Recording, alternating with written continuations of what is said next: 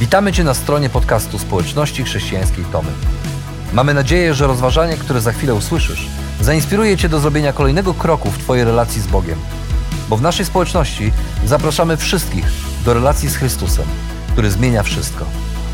Dziękujemy za Twoje zainteresowanie i zapraszamy Cię do polubienia naszego profilu na Facebooku, Instagramie i YouTubie oraz ściągnięcia darmowej aplikacji na smartfona. Dobrego słuchania.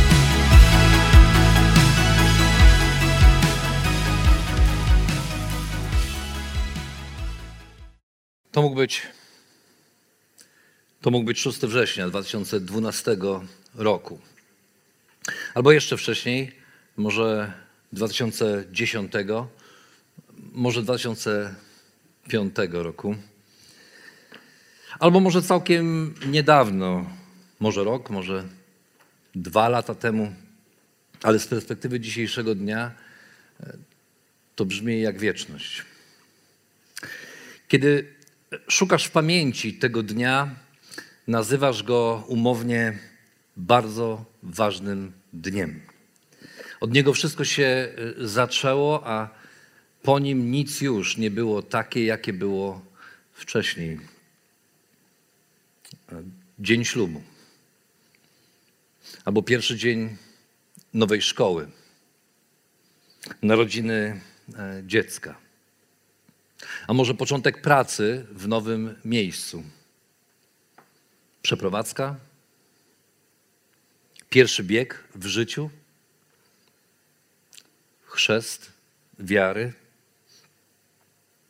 Pierwsza jazda samochodem z nowym prawem jazdy.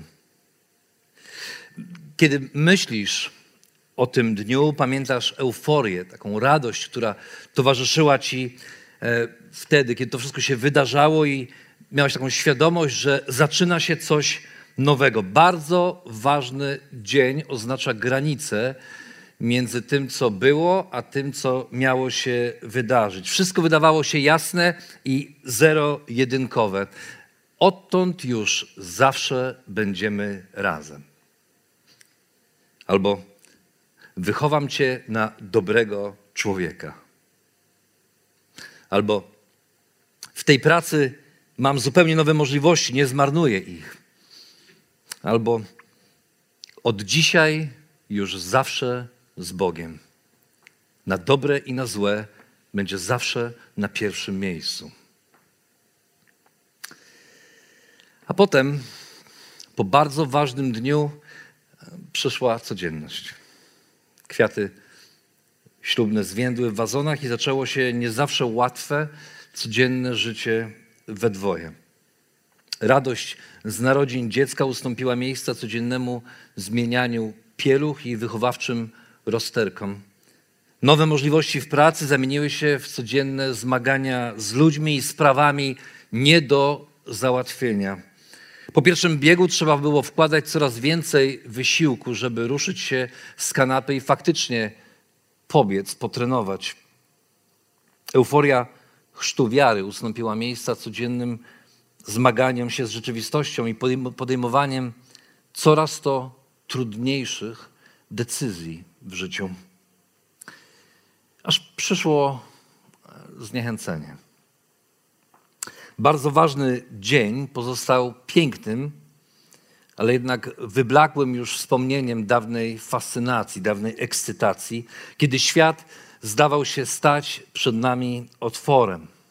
Te codzienne zmagania i troski życia sprawiły, że straciliśmy dawny zapał i czasami e, coraz trudniej chciało się chcieć.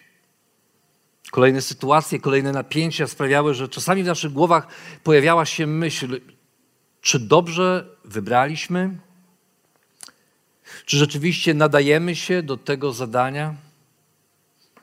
Czy damy radę wytrwać w swoich postanowieniach? Czy pozostaniemy wierni, nawet jeżeli świat, w którym żyjemy, bardziej niż wierność ceni osobiste szczęście i na każdym kroku przypomina Tobie, przypomina mi, musisz być szczęśliwy, masz prawo do tego, jesteś tego warta.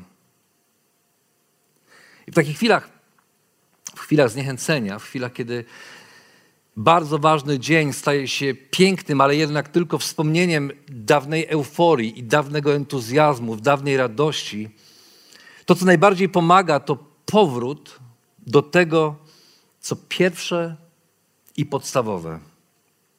Powrót do tego bardzo ważnego dnia i przypomnienie sobie tego wszystkiego, co zadecydowało, że tamtego dnia podjęliśmy takie, a nie inne wyzwanie. To tak jak spojrzenie na zdjęcie, które wisi w naszej jadalni, zdjęcie z pierwszego obozu, na którym poznałem moją żonę, z pierwszego spotkania, które mieliśmy na tarasie. Ktoś uchwycił to nasze spotkanie i to zdjęcie wisi w naszym domu. Ilekroć spojrzę na to zdjęcie, tylekroć przypominam sobie to, co wydarzyło się, kiedy się poznaliśmy i dlaczego jesteśmy ze sobą, pomimo różnych trudności, dlaczego podjęliśmy to wyzwanie. Albo tak jak słowa piosenki Zbigniewa Wodyckiego, który, który śpiewał: Lubię wracać w strony, które znam. Po wspomnienia zostawione tam, by się przejrzeć w nich, odnaleźć w nich choćby nikły cień pierwszych serca drżeń, kilka nut i kilka wierszy z czasów, gdy kochałeś pierwszy raz. I w takich właśnie okolicznościach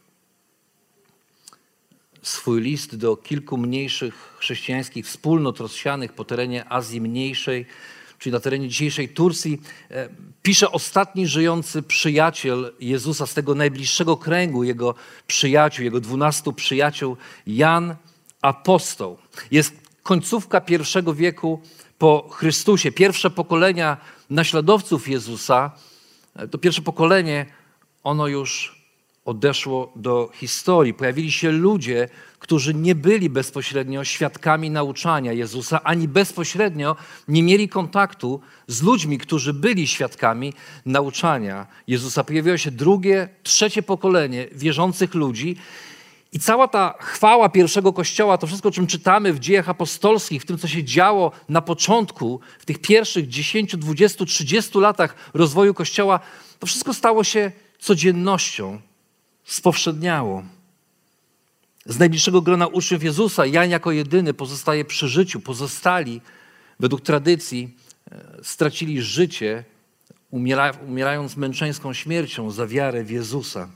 Jan mieszka w Efezie i stamtąd obserwuje rozwój poszczególnych wspólnot i widzi ich zmagania z rzeczywistością, widzi jak ta pierwsza miłość, ten, ten pierwszy zapał, na których powstały te wspólnoty, e, trochę przygasa. A pojawiają się zupełnie nowe problemy. To jeszcze nie jest czas kolejnych prześladowań. Kościół cieszy się względnym spokojem. Za chwilę Kościół będzie prześladowany przez cesarza Domicjana. Ofiarą tych prześladowań będzie między innymi Jan, który nie umrze, ale zostanie wysłany na Banicję, na wyspę Patmos i tam dożyje swoich ostatnich lat. Ucierpią kościoły w Efezie, w Smyrnie, e, w Pergamonie. Ale póki co chrześcijanie cieszą się w miarę względnym spokojem z zewnątrz, ale wewnątrz pojawiają się fałszywe nauki. Pojawiają się ludzie, którzy, którzy nie mieli nic wspólnego z Chrystusem, ale którym wydaje się, że wiedzą lepiej, którzy, którzy, którzy głoszą potrzebę jakiegoś głębszego wtajemniczenia albo zupełnie oderwane od nauczania apostołów nauki. I Kościół wydaje się być zagrożony dużo bardziej tym, co wewnątrz, niż tym, co z zewnątrz. I właśnie w takich okolicznościach Jan postanawia wrócić do bardzo ważnego dnia, do samego początku. I przypomnieć swoim słuchaczom, czym jest prawdziwe życie i jak w tym zmieniającym się szybko świecie, w którym pierwsze zachwyty ustępują miejsca prozie codzienności, odróżnić prawdę od fałszu i żyć życiem, które jest życiem prawdziwym. I pisze tak w pierwszym rozdziale. Ogłaszamy wam to, co było od początku, o czym usłyszeliśmy, co zobaczyliśmy na własne oczy, czemu się przyglądaliśmy i czego dotknęły nasze ręce, a co odnosi się do słowa życia. Życie bowiem zostało objawione. Poświadczamy to jako naoczni świadkowie i przynosimy wam wieść o tym życiu wiecznym. Było ono u Ojca, lecz zostało nam objawione. I podobnie jak przypadku swojej opowieści z życia Jezusa, którą nazywamy Ewangelią Jana, również i tym razem Jan zaczyna od początku, ale tak jak w tamtej Ewangelii, w tamtej opowieści, mówiąc o początku, odnosił się do czasów, kiedy jeszcze nie było świata, kiedy, kiedy nie było niczego, był tylko Bóg i mówił o Jezusie, że On był na początku, On był Logos, On był Słowem, On był Słowem, które było u Boga, a Bogiem było, było Słowo. W tym miejscu Jan odnosi się do innego początku Mówi o początku tej fizycznej obecności Jezusa na tym świecie. Mówi o początku, do, mówi o pierwszym spotkaniu nad brzegiem Galilejskiego jeziora, po którym nic więcej w życiu Jana nie było już takie samo. I, i chcąc uzmysłowić czytelnikom znaczenie swojego przesłania, Jan pisze o nim, ale używa takich słów, słów, które dotyczą zmysłów. Mówi o nim o czym usłyszeliśmy, co zobaczyliśmy, czemu się przyglądaliśmy i czego dotknęły nasze ręce. Jan bardzo świadomie odwołuje się do bardzo namacalnego, fizycznego doświadczenia Jezusa. I w ten sposób odnosi się do fałszywego nauczania gnostyków, które w tamtym czasie pojawiło się w kościele, którzy zaprzeczali temu, że Jezus miał fizyczne ciało. Powiem o tym więcej później, w dalszej części, w dalszej, dalszej części naszej podróży przez pierwszy list Jana, ale, ale też siłą Bożego natchnienia Jan, słowa Jana nie dotyczą tylko tamtego czasu, ale wykraczają poza ten czas i dzisiaj docierają do nas, przypominając czy odwołując się do tych wszystkich ludzi, którzy zaprzeczają temu, że Chrystus faktycznie, fizycznie chodził po tym świecie, że Bóg był obecny jako człowiek pośród nas. A nawet niektórzy negują same istnienie Boga.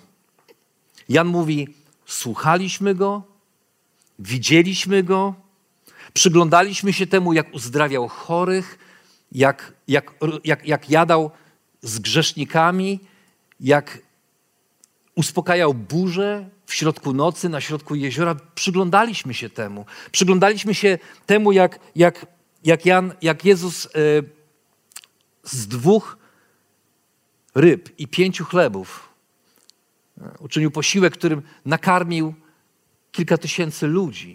Jan mówi, My to wszystko nie tylko widzieliśmy, my się temu przyglądaliśmy z bliska i tego też dotykały nasze ręce. Jezus nie jest postacią z bajek, mówi Jan, ale jest żywym Bogiem, który stał się w pełni człowiekiem w konkretnym momencie w historii świata. A ja, pisze Jan, jestem jednym z tych, którzy obserwowali go z bliska. Nawet go dotykałem. On miał fizyczne ciało, był w pełni człowiekiem, ale był w pełni Bogiem.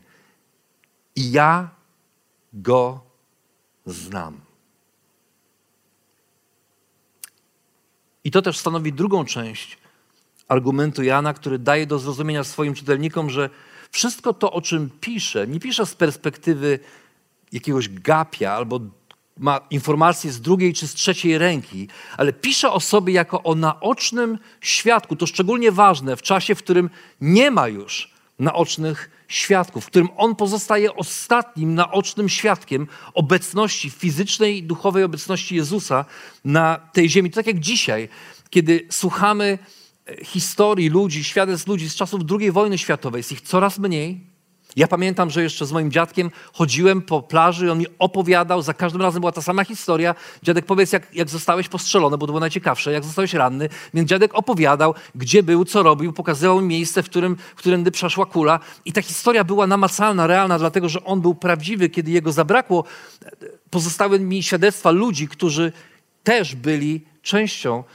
do horroru II wojny światowej. I my dzisiaj słuchamy tych historii, ale z każdym kolejnym świętem wyzwolenia obozu Auschwitz, z każdym kolejnym dniem zwycięstwa nad faszyzmem, nad, nad, nad, nad horrorem II wojny światowej, z każdym kolejnym rokiem zdajemy sobie sprawę z tego, że jest coraz mniej tych ludzi. I dlatego świadectwo każdego z nich, kto jeszcze żyje, w ich historię, wsłuchujemy się może bardziej uważnie niż kiedy byliśmy młodsi, kiedy było ich więcej. Ich słowa niosą szczególne znaczenie, bo oni widzieli, My nie jesteśmy w stanie sobie tego wyobrazić. Taka jest prawda. Ale oni widzieli, co się dzieje, kiedy człowiek zawiesza moralne przekonania na kołku, odkłada je i wtedy wolno wszystko. Widzieli to na wschodzie, widzieli to na zachodzie i mówią nigdy więcej. I ten sam ciężar niesie ze sobą przesłanie Jana. Jan mówi: Mam prawo pisać to, co piszę, ponieważ widziałem, słyszałem, dotykałem słowa żywota, czyli Jezusa, i że to właśnie w Jezusie zostało objawione prawdziwe życie. I tym życiem, prawdziwym życiem jest życie wieczne, które nigdy się nie kończy, i On jest tego świadkiem. I dlatego, jako ostatni świadek tamtych wydarzeń, chcę dzisiaj jasno i wyraźnie zabrzmieć dla słuchaczy, którzy go słuchają, czy dla tych, którzy czytają jego list. I tym samym jego słowa są wyzwaniem rzuconym tym wszystkim wtedy, ale też tym wszystkim dzisiaj, wokół nas, w naszym świecie, którzy próbują podważać prawdę o Jezusie i głoszą fałszywą naukę na jego temat albo fałszywe rzeczy o nim. Jest tutaj niczym Lloyd Benson, amerykański kongresmen, który w 1988 roku podczas debaty kandydatów na wiceprezydentów ze swoim przeciwnikiem Danem Quaylem, Quaylem usłyszał od niego: Mam tyle doświadczenia w kongresie, co John Kennedy, kiedy ubiegał się o prezydenturę. Na co Lloyd Benson przytomnie zareagował: Panie senatorze, ja pracowałem z Johnem Kennedym, znałem Johna Kennedy'ego. John Kennedy był moim przyjacielem. Senatorze, Pan nie jest Johnem Kennedym. Jan mówi wszystkim przeciwnikom Ewangelii samego Jezusa: Służyłem z Jezusem, znałem Jezusa, Jezus był moim przyjacielem. Wy, którzy głosicie fałszywe nauki, nie jesteście ani Jezusem, ani Jego przyjaciółmi. I dalej dodaje: To zatem, co zobaczyliśmy i o czym usłyszeliśmy, przekazujemy Wam, abyście mogli wraz z nami tworzyć jedyną wspólnotę, a ta wspólnota oznacza więź z Ojcem i z Jego Synem, Jezusem Chrystusem. Piszemy Wam o tym, aby nasza radość mogła stać się pełna. Jan mówi: Wszystko to, co osobiście, czego osobiście doświadczyłem, przekazuję teraz Wam, abyście na podstawie tego świadectwa mogli tworzyć jedną wspólnotę. Ale mówi, ta wspólnota ona jest jedyna w swoim rodzaju. Nie ma drugiej takiej. To wspólnota inna niż wszystkie. Ona nie opiera się na wspólnych zainteresowaniach, na wspólnocie miejsca zamieszkania, na przesłankach narodowych czy państwowych, nie opiera się na takiej czy innej ideologii, nie opiera się na takich czy innych zasadach, nie opiera się na prawach fizyki. Ta wspólnota opiera się na jednej podstawowej relacji, na relacji z Ojcem i z Jego Synem, Jezusem Chrystusem. Kto nie ma tej relacji, nie może być częścią tej wspólnoty. Kto ma taką relację, staje się częścią tej wspólnoty. Dlatego ta relacja, ta wspólnota stanowi absolutny fundament naszych wzajemnych relacji we wspólnocie. Dlaczego? Dla, I dlaczego to jest takie ważne? Bo od tej pory ludzie kiedyś dalecy stają się sobie bliscy. Ludzie, których nie łączą ani zainteresowania, ani wykształcenie, ani religijność, ani jakaś chęć duchowego rozwoju, to nie o tym Jan mówi. To nie jest to zainteresowanie, ani status społeczny, ani miejsce zamieszkania, ani przynależność rasowa czy narodowa, ani poglądy polityczne, ani tożsamość płciowa, ani wiekowa, ani chęć pomagania ludzkości czy zmieniania świata na lepsze. Kościół nie jest kolejną organizacją charytatywną, kolejną organizacją dobroczynną. Czyni dobro, a to nie jest sednem jego istnienia.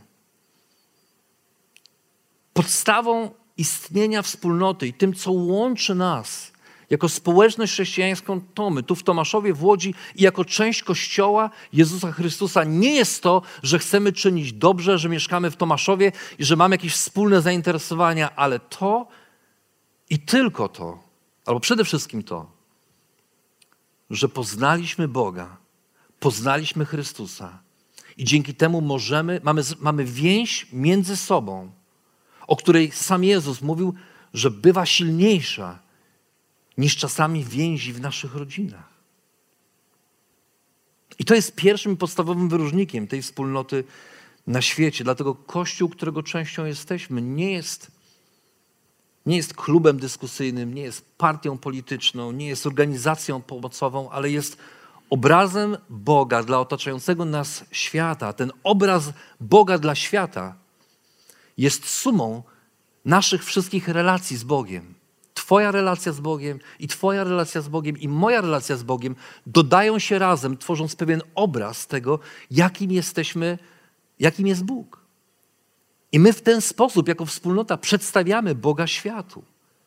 Dlatego, jeżeli ktoś nie ma więzi z Chrystusem, to nie może być częścią takiej wspólnoty. Nie może być tylko dlatego, że chce coś zrobić albo że chce w czymś pomagać. To nie znaczy, że nie może uczestniczyć w nabożeństwach albo nie może uczestniczyć w tym wszystkim, co robimy jako wspólnota, ale to oznacza, że to nie jest podstawą naszej relacji. I w następnych rozdziałach Jan będzie przyglądał się tym relacjom we wspólnocie w sposób, jaki miłość, która stanowi sedno tych relacji, powinna manifestować się w działaniu, ale na samym początku przypomina nam, że prawdziwe życie zostało objawione w Chrystusie i na relacji z Nim i Jego Ojcem zbudowana jest chrześcijańska wspólnota. To powstaje pytanie tylko, tylko w jaki sposób my, jako niedoskonali, dalecy od Bożej świętości ludzie, możemy mieć więź z Bogiem i cieszyć się objawionym w Chrystusie życiem wiecznym. Jak to możliwe dla nas, niedoskonałych ludzi? Jan znowu odwołuje się do swojego osobistego doświadczenia relacji z Jezusem i pisze dalej tak: Nowina, którą usłyszeliśmy od Niego i którą Wam przekazujemy, słyszeliśmy od Jezusa, a teraz chcemy Wam przekazać, brzmi tak: Bóg jest światłem i nie ma w nim żadnej ciemności. Gdybyśmy powiedzieli, że łączy nas z nim jakaś więź, a jednocześnie żylibyśmy w ciemności, byłoby to kłamstwo. Nie postępowalibyśmy zgodnie z prawdą. Jeśli jednak żyjemy w świetle, tak jak On sam jest w świetle, to łączy nas wzajemna więź, a krew Jezusa, Jego Syna, oczyszcza nas od wszelkiego grzechu. Jeśli zaprzeczamy, że popełniliśmy grzech, sami siebie oszukujemy, jesteśmy dalecy od prawdy. Jeśli przyznajemy się do naszych grzechów, On jest wierny i sprawiedliwy i przebaczy nam grzechy i oczyści nas od wszelkiej nieprawości. Gdybyśmy powiedzieli, że nie ciąży na nas grzech, robilibyśmy z niego kłamcę i nie byłoby w nas jego słowa. Jan w charakterystyczny dla siebie sposób, w całym tym liście, zestawiając ze sobą kontrastowe obrazy, posługuje się też obrazem Boga, który znamy już z Jego Ewangelii. Mówi: Bóg jest światłem. Światłość przyszła na świat. Ciemność jej nie przemogła, napisał w Ewangelii. I tutaj przypomina, Bóg jest światłem i nie ma w nim żadnej ciemności, dlatego nie można żyć w ciemności i mieć z nim relacje. Te dwa światy się nie, nie przenikają. Światło, wiecie jak to jest? Światło świeci w ciemności i kiedy światło świeci w ciemności, ciemność przestaje być ciemnością.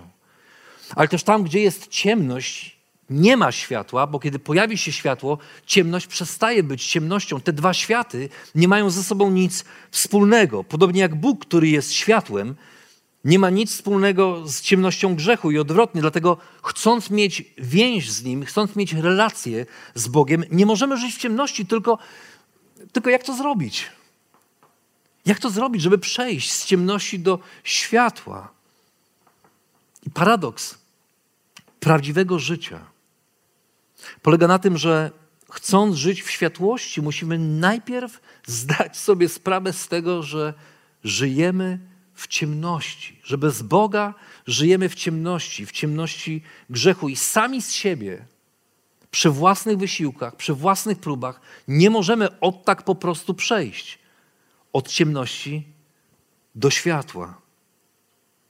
Dopiero krew Chrystusa przelana na krzyżu, pisze Jan, jest tym, co oczyszcza nas z grzechu i sprawia, że przejście z ciemności do światła, z życia, ze śmierci do życia staje się możliwe, a tym samym więź z Bogiem staje się możliwa.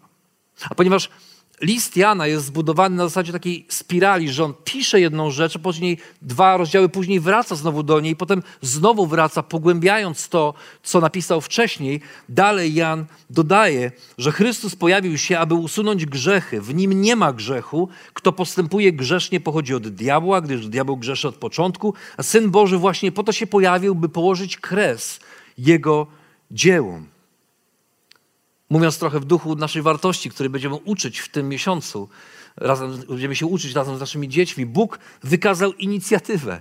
Widział, zobaczył, co jest do zrobienia i zrobił to, ale żeby to się mogło wydarzyć, musiał przyjść na, musiał przyjść na ten świat w ciele i żyć bezgrzesznym życiem, aby złożyć Bogu doskonałą ofiarę za nasze grzechy i w ten sposób otworzyć nam drogę z ciemności do światła. Dlatego prawdziwe życie, czyli wieczna relacja z Bogiem jest możliwe tylko dzięki krwi Jezusa przelanej na krzyżu za nasze grzechy. Nie dzięki naszym wysiłkom, nie dzięki naszej pobożności, nie dzięki naszej przynależności do takiego czy innego kościoła, nie dzięki naszemu przychodzeniu na nabożeństwa, nie dzięki naszemu czytaniu Biblii itd., tak itd. Tak to są wszystko dobre rzeczy, ale one nie decydują o tym że przechodzimy ze śmierci do życia. Tym, co decyduje o tym, jest świadomość ratunku, którego wszyscy potrzebujemy, i świadomość przewinień, które wszyscy popełniliśmy. Pewien książę udał się w podróż statkiem to były typowe galery z galernikami, którzy wiosłowali i w ten sposób statek płynął. Załoga składała się między innymi z galerników, którzy byli, którymi byli przestępcy skazani właśnie na te galery. Kiedy przechadzał się między nimi, pytał ich, za co zostali skazani. Każdy mówił, że jest, oczywiście jest niewinny, każdy obwiniał kogoś innego albo mówił o, o, o złym sędzim, który, który brał łapówki, dlatego oni wylądowali tu, gdzie wylądowali. Każdy tak mówił, oprócz jednego człowieka. Ten zapytany przez księcia odpowiedział: Panie, zasłużyłem na tę karę. Ukradłem pieniądze, nikt tutaj nie zawinił, tylko ja to jest moja wina. Słysząc to, książę złapał go za ramię, podciągnął do góry i zawołał głośno, tak żeby wszyscy słyszeli: Ty, łajdaku, co ty tutaj robisz pośród tych wszystkich uczciwych ludzi? Wynoś się z ich towarzystwa natychmiast. I w ten sposób książę uwolnił tego człowieka który przyznał się do tego i miał świadomość tego, że jest winny, a w inni uczciwcy musieli dalej harować ciężko przy wiosłach. Właśnie o tym pisze Jan. Jeżeli zaprzeczamy, że popełniliśmy grzech, sami siebie oszukujemy, jesteśmy dalece od prawdy, jeżeli przyznajemy się do naszych grzechów, On jest wierny, sprawiedliwy, przebaczy nam grzechy i oczyści nas od wszelkiej nieprawości. Bo prawdziwe życie, ono zaczyna się od relacji z Chrystusem, ale opiera się na świadomości naszej grzeszności i mocy przebaczenia w krwi przelanej przez Jezusa na krzyżu za nasze grzechy. I w ten sposób, jako wywołani z ciemności, zostajemy, zostajemy powołani do życia w świetle. Brzmi bardzo pięknie. W ten sposób też zaczynamy tworzyć wspólnotę ze sobą. Jednak problem tkwi w tych stanowczych stwierdzeniach samego Jana, apostoła, który daje nam do zrozumienia, że tak jak światło nie ma z ciemnością nic wspólnego, tak samo i my powinniśmy dalej żyć życiem bez grzechu. I tu zaczynają się schody. Każdy, pisze Jan, kto trwa w nim, nie grzeszy, a każdy, kto grzeszy, nie widział go i nigdy nie poznał. Nikt narodzony z Boga nie postępuje grzesznie, gdyż jest w nim Boże nasienie. Nie jest on w stanie żyć w grzechu, gdyż został zrodzony z Boga.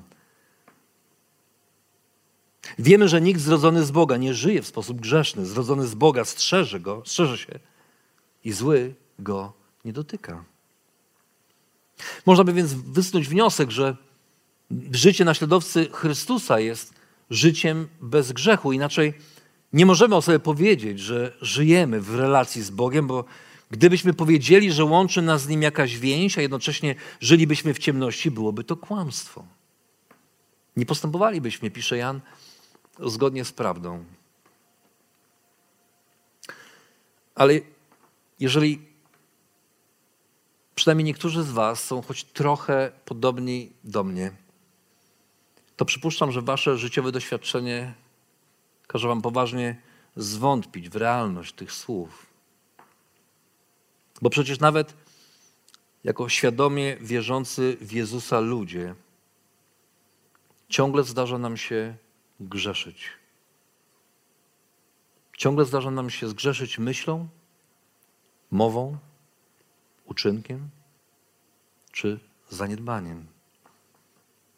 Skoro jednak nikt narodzony z Boga nie postępuje grzesznie, to być może powinniśmy zwątpić e, w nasze nowe narodzenie. Może, może ta więź, która nas łączy z Bogiem, nie jest do końca prawdziwa, może wcale nie ma w nas tego życia, które zostało objawione w Chrystusie i powinno być naszym udziałem, a jednak grzech sprawia, że nie możemy w taki sposób na siebie spojrzeć. Być może całe to życie wieczne z Bogiem nie jest do końca dla nas.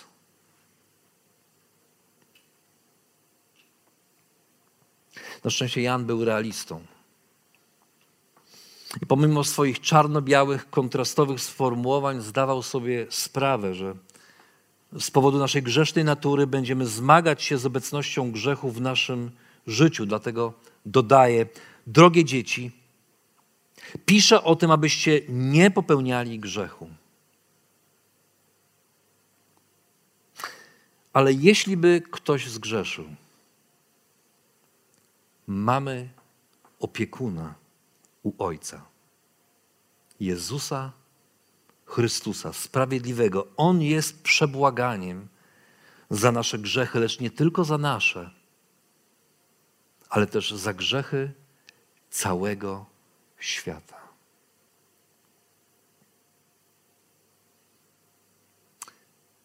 I dzięki temu, w jaki sposób Jan Apostoł pisze swój list, wracając do tych samych tematów później na zasadzie spirali, pogłębiając je w dalszych częściach listu, możemy lepiej zrozumieć to, o co mu chodzi. Kiedy Jan pisze, abyście nie popełniali grzechu, używa czasownika greckiego w trybie ciągłym, co można przetłumaczyć, abyście nie trwali, nie powtarzali tych samych grzechów. Podobnie w dalszych fragmentach, kiedy pisze o wierzącym człowieku, pisze: Nie jest on w stanie żyć w grzechu, czyli trwać w nim, gdyż został zrodzony z Boga bo nikt zrodzony z Boga nie żyje w sposób grzeszny. Chodzi o ciągłość, chodzi o pewien stan naszego życia. Dalej pod koniec, pod koniec listu dodaje, że może tak się zdarzyć, że twój brat czy twoja siostra w Chrystusie, jak Jan ich nazywa, popełnią grzech, lecz dodaje nie taki, przy którym upierałby się na śmierć. Chodzi o osoby, które grzeszą, lecz nie upierają się przy tym na śmierć. Jest grzech na śmierć, mówi Jan, i do końca go nie definiuje. Wielu komentatorów zwraca uwagę na to, zadaje sobie trud rozwikłania tego, czym jest ten grzech na śmierć. Większość zgadza się co do tego, że to jest ostateczne odrzucenie Chrystusa. Tak jak Jezus, który mówił o tym, że Duch Święty przyjdzie i przekona ludzi o grzechu, sprawiedliwości i sądzie. I w którymś momencie powiedział, że każdy grzech będzie odpuszczony, ale grzech przeciwko Duchowi Świętemu nie będzie odpuszczony. Tak samo łącząc te dwa fragmenty, możemy powiedzieć, że człowiek, który ma świadomość tego, co Chrystus dla niego uczynił, że umarł na krzyżu i zmartwychwstał trzeciego dnia za jego, dla, dla, dla, zbawienia każdego człowieka i który świadomie odrzuca to i mówi: Nie, nie chcę, nie będę, nie posłucham, zrobię po swojemu. Jan mówi: To jest grzech na śmierć, bo to jest trwanie uporczywie w stanie grzechu, odrzucenia tego, o czym Duch Święty przekonuje człowieka. Ale dalej dodaje: Wszelka nieprawość jest grzechem Lecz jest grzech, który nie musi prowadzić do śmierci. Mówiąc o grzechu w życiu wierzących ludzi, tych, którzy przeszli z ciemności do światła, Jan daje do zrozumienia, że takim osobom jak ty czy ja może zdarzyć się grzech. Grzech, który jest konsekwencją naszej ludzkiej, grzesznej natury, jest wyrazem naszej słabości. To się może zdarzyć, może się wymsknąć słowo, może zdarzyć się coś, co sprawia, że zaczynamy myśleć w niefajny sposób o innych ludziach, zaczynamy grzeszyć w swoich myślach. Zdarzy się sytuacja, w której poślizgnie, po, po, nam się noga, poślizgniemy się, upadniemy, że możemy wyrządzić sobie nawzajem przykrość. To się może zdarzyć, ale to nie może być stałym motywem naszego życia. I mówi, ten, kto trwa w grzechu, ten, kto postępuje w ten sam sposób, ten, kto nie przyjmuje napomnienia, ten, kto nie przyjmuje tego, że takie zachowanie nie ma nic wspólnego ze światłością, ten, mówi, mówi Jan, ten trwa w grzechu i nie przeszedł ze śmierci do, z życia, ze śmierci do życia, z ciemności do światłości. Ale jeżeli zdajemy sobie sprawę z naszej słabości, zdajemy sobie sprawę z naszego grzechu i decydujemy się nie trwać w grzechu, nie upierać się w nim, jak mówi, jak mówi Jan, ale, przy, ale, ale zdajemy sobie sprawę z naszej grzeszności, to Jan pisze, że ten sam Jezus, który dzięki swojej ofierze na krzyżu dał nam przejść ze śmierci do życia, z ciemności do światła, ten sam Jezus jest naszym opiekunem, jest, jest naszym adwokatem. To słowo parakletos oznacza między innymi adwokata, kogoś, kto się wstawia za nami u Ojca. A ponieważ w Jego ofierze na krzyżu Bóg został usatysfakcjonowany, bo na tym polega sens słowa przebłaganie. Bóg został przebłagany, usatysfakcjonowany, już nikt więcej nie musi umierać z powodu grzechu. To teraz, Jezus, to teraz Bóg Ojciec patrzy na nas przez pryzmat Jego krwi, krwi Jezusa. Kiedy wyznajemy swoje grzechy, kiedy diabeł przychodzi i pokazuje na nas palcami, Bóg patrzy na nas przez pryzmat krwi Jezusa i mówi niewinny, niewinny, niewinna niewinna. I to nie jest bynajmniej zachęta do życia w grzechu, bo właśnie przed takim życiem Jan nas ostrzega. Ale chodzi tu raczej o świadomość naszej grzesznej natury, z którą będziemy zmagać się do końca naszych dni po tej stronie wieczności. Dlatego prawdziwe życie, ono ucieka od grzechu, ale w chwili upadku odnajduje pocieszenie w osobie Jezusa. Doktor Aleksander Papaderos, znany grecki filozof i teolog, prowadził kiedyś zajęcia z etyki. Te zajęcia zbliżały się ku końcowi i zapytał się więc standardowo, czy są jeszcze jakieś pytania i już, jak to miał w zwyczaju w takiej sytuacji, już chciał sam sobie odpowiedzieć. Dziękuję, możemy się, no dziś to już koniec, możemy się rozejść, kiedy nagle zobaczył podniesioną rękę młodego studenta. Czy mógłby pan powiedzieć, jaki jest sens życia? Zapytał ten młody człowiek. Pod koniec zajęć, gorący, upalny dzień w Grecji.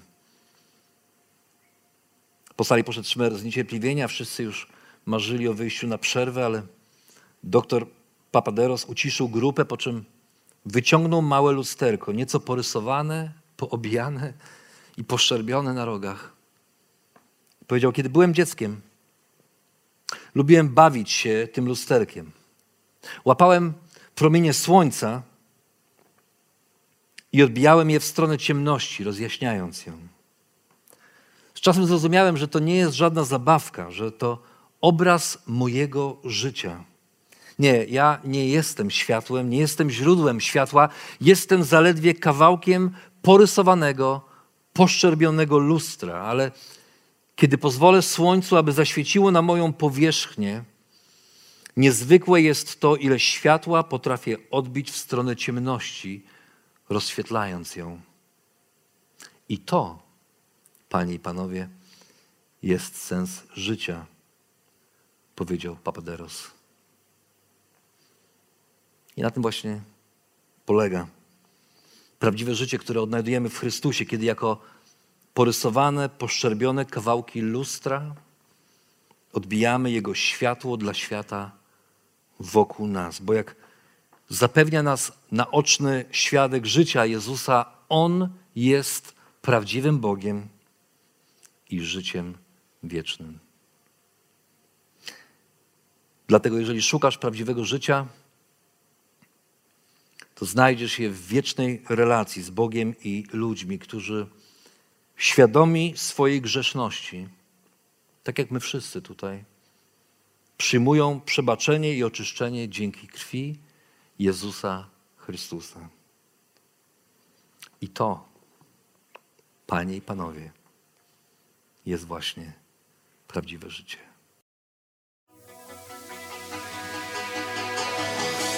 Jeszcze raz dziękujemy za wysłuchanie naszego rozważania.